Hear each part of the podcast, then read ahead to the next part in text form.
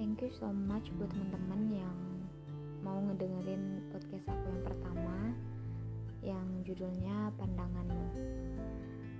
So hari ini aku mau bahas tentang satu frase yaitu sharing is caring. Kira-kira teman-teman udah pernah dengar nggak sih sharing is caring itu? Aku dengar frase ini ketika aku duduk di bangku kuliah. Walaupun sekarang masih di bangku kuliah juga. Jadi sharing is caring ini adalah dua kata kerja yaitu sharing berbagi dan caring adalah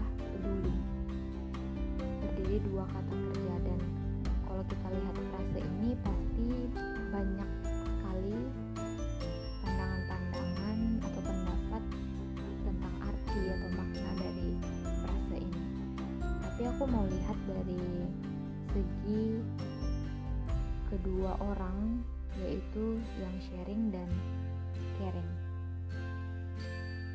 Sharing is caring yang aku pahami adalah ketika kita punya seorang teman atau sahabat atau orang terdekat yang berbagi tentang kisah hidupnya, tentang bahkan keburukan yang dia alami dalam kehidupannya.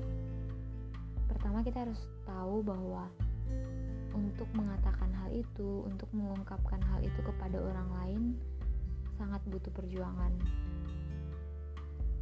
Jadi kita nggak bisa ngeremehin ataupun merendahkan bahkan tertawa dengan orang-orang yang berani cerita untuk hal-hal buruk yang terjadi dalam kehidupannya. So ini adalah orang pertama yang mau sharing gitu. Dia sharing tentang hal-hal yang terjadi dalam kehidupannya bahkan hal-hal buruk. Nah, kemudian orang kedua yaitu caring ini adalah peduli. Bagaimana kita yang mendengarkan sharing itu menjadi seorang yang peduli. Peduli dengan cara tidak membagikan cerita mereka kepada orang lain, apalagi menambah-nambahkan cerita itu. Dan juga tidak menjadi kepo tidak menjadi kepo dengan cerita yang dia bagikan so teman-teman kalian bisa pilih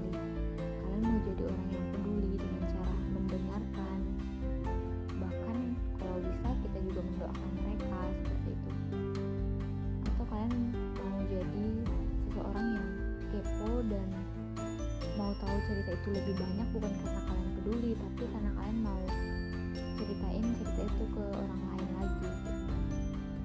Aku pernah baca kata-kata ini pergaulan yang buruk akan merusak kebiasaan yang baik. So teman-teman pergaulan kalian menentukan sekali kalian akan jadi apa. Ketika kalian mau bergaul dengan orang-orang yang mungkin banyak gibah atau orang-orang yang banyak melakukan hal-hal yang ya negatif secara tidak langsung kita akan melakukan hal yang sama. Kita akan kecipratan apa yang mereka buat gitu kebiasaan yang mereka lakukan. Tapi kalau kita mau memiliki pergaulan yang lebih baik dan kita bergaul dengan orang-orang yang bersifat membangun diri kita maka itu yang akan terjadi kepada diri kita. Jadi silakan teman-teman untuk berpikir apakah selama ini pergaulan teman-teman udah benar atau masih perlu harus diperbaiki lagi. Jadi itu yang aku mau bahas. Semoga pembahasan kali ini bisa bermanfaat bagi teman-teman. See you.